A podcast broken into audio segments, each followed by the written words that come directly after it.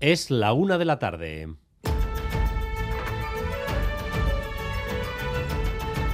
Crónica de Euskadi con Dani Álvarez.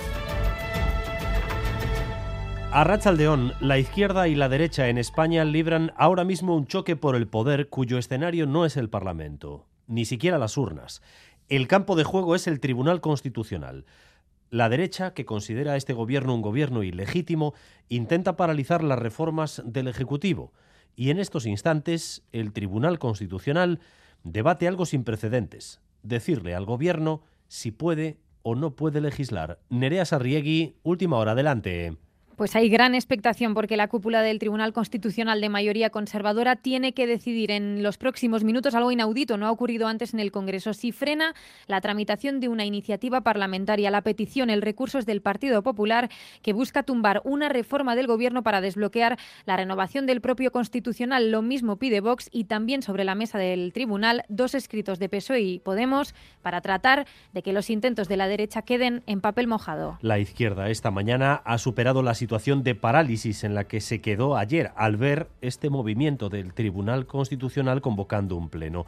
Creen que si los jueces bloquean su reforma del Poder Judicial, estaríamos ante el 23F de la magistratura.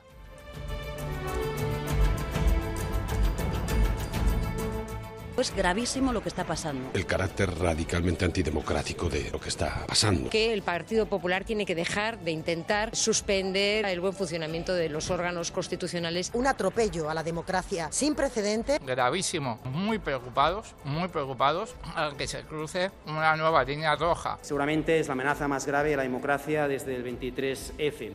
Por su parte, la derecha se agarra a este pleno. Si el Tribunal Constitucional maniata al gobierno, se cumpliría su tesis, la de que Pedro Sánchez no es un presidente legítimo.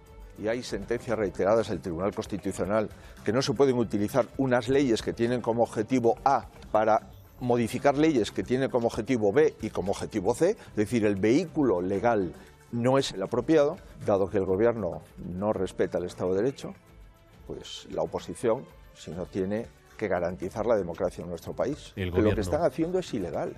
El gobierno no respeta el Estado de Derecho, decía Feijó esta mañana en una entrevista con Ana Rosa. Al margen de este asunto, hoy es el día grande de la campaña de EITB Maratoya. Estamos mojándonos para recaudar fondos que permitan investigar la esclerosis múltiple, una enfermedad cuya cura aún no se ha descubierto y que va apagando a las personas hasta su muerte. Decenas de famosos han pasado ya por esta sede de EITB en Bilbao para coger teléfonos, pero necesitamos más. Amaya Zabala, ¿en qué momento estamos?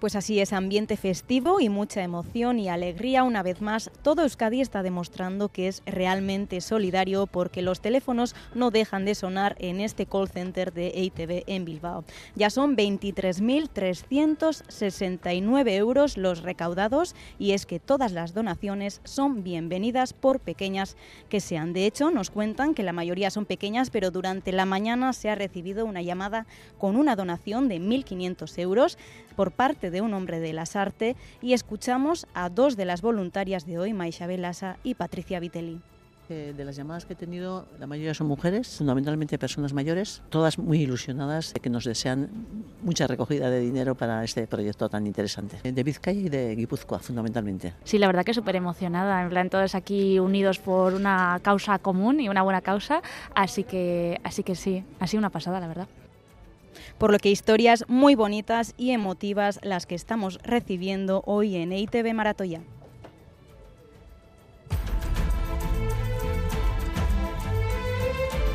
En Gasteiz, un abusador de menores ha visto rebajada su condena a la mitad, de nueve años a cuatro, gracias otra vez a la ley del solo sí es sí. José Luis Fonseca. Sí, reducido a la mitad la condena a un abusador de menores que fue detenido y condenado por cinco delitos de abuso sexual en diciembre de 2019 en Vitoria-Gasteiz. El Supremo, con la nueva ley, aplica la legislación más beneficiosa para el condenado, con la rebaja de pena. Eh, podría ser puesto en libertad en los próximos días. El abusador de menores del Colegio San José de Bermeo no solo cometió abusos allí, por donde pasó hubo abusos. Su siguiente destino fue Berriochoa, en Bilbao, y también allí dejó víctimas. El obispo de Bilbao da total credibilidad a estos testimonios. Xavier Madariaga. Sí, así es. Dos casos abiertos en Vizcaya, dos casos a la espera de que el Vaticano tome una decisión con las víctimas de Bermeo. Segura no muestra ninguna duda cree su versión, mientras con Gastelueta el obispo de Bilbao introduce un matiz. Dice que no tiene capacidad de investigación y lo dice después de haberse reunido con el profesor de Gastelueta.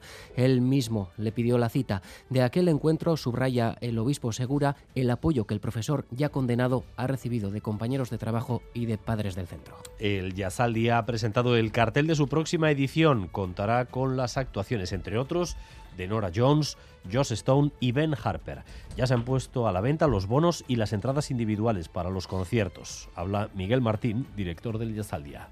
Que al mejor cartel de la historia del eh, le va a corresponder probablemente en la mejor o una de las mejores programaciones de la historia del Yasaldia que en cuanto a pianistas, vocalistas y guitarristas no tiene parangón, que no, ha sucedido nunca ni va a ser fácil que, que vuelva a suceder. abierto con y vamos también con lo más destacado del deporte, con Álvaro Fernández Cadierno. Arrachaldeón, Álvaro. Arrachaldeón, más allá de esa final del Mundial, ese Argentina-Francia del domingo, confirmada la final con esos nombres propios que también nos deja la mañana. El primero, John Ran, el golfista de Barrica, ha recibido este medida el galardón de Ilustre de Vizcaya en la Diputación Foral. El segundo, John Azcue, el Oriotarra, capitán de Vidasoirún, ha confirmado hoy mismo que dejará el club al concluir la presente campaña. En cuanto al tiempo, la tarde será más lluviosa y más fría. Va a llover sobre todo en la mitad norte y de manera generalizada en la costa. El viento girará al noroeste y se irá notando el descenso de las temperaturas, así que se va a acabar este ratito, estos dos días de viento sur. De momento todavía tenemos 16 grados en Donostia o en Bayona, 15 en Bilbao, 12 grados de temperatura en Vitoria-Gasteiz y en Pamplona. Gracias un día más por elegir Radio Euskadi y Radio Vitoria para informarse. Raúl González y José Ignacio Revuelta se encargan de la dirección técnica, Aitziber Bilbao de la coordinación. Crónica de Euskadi con Dani Álvarez.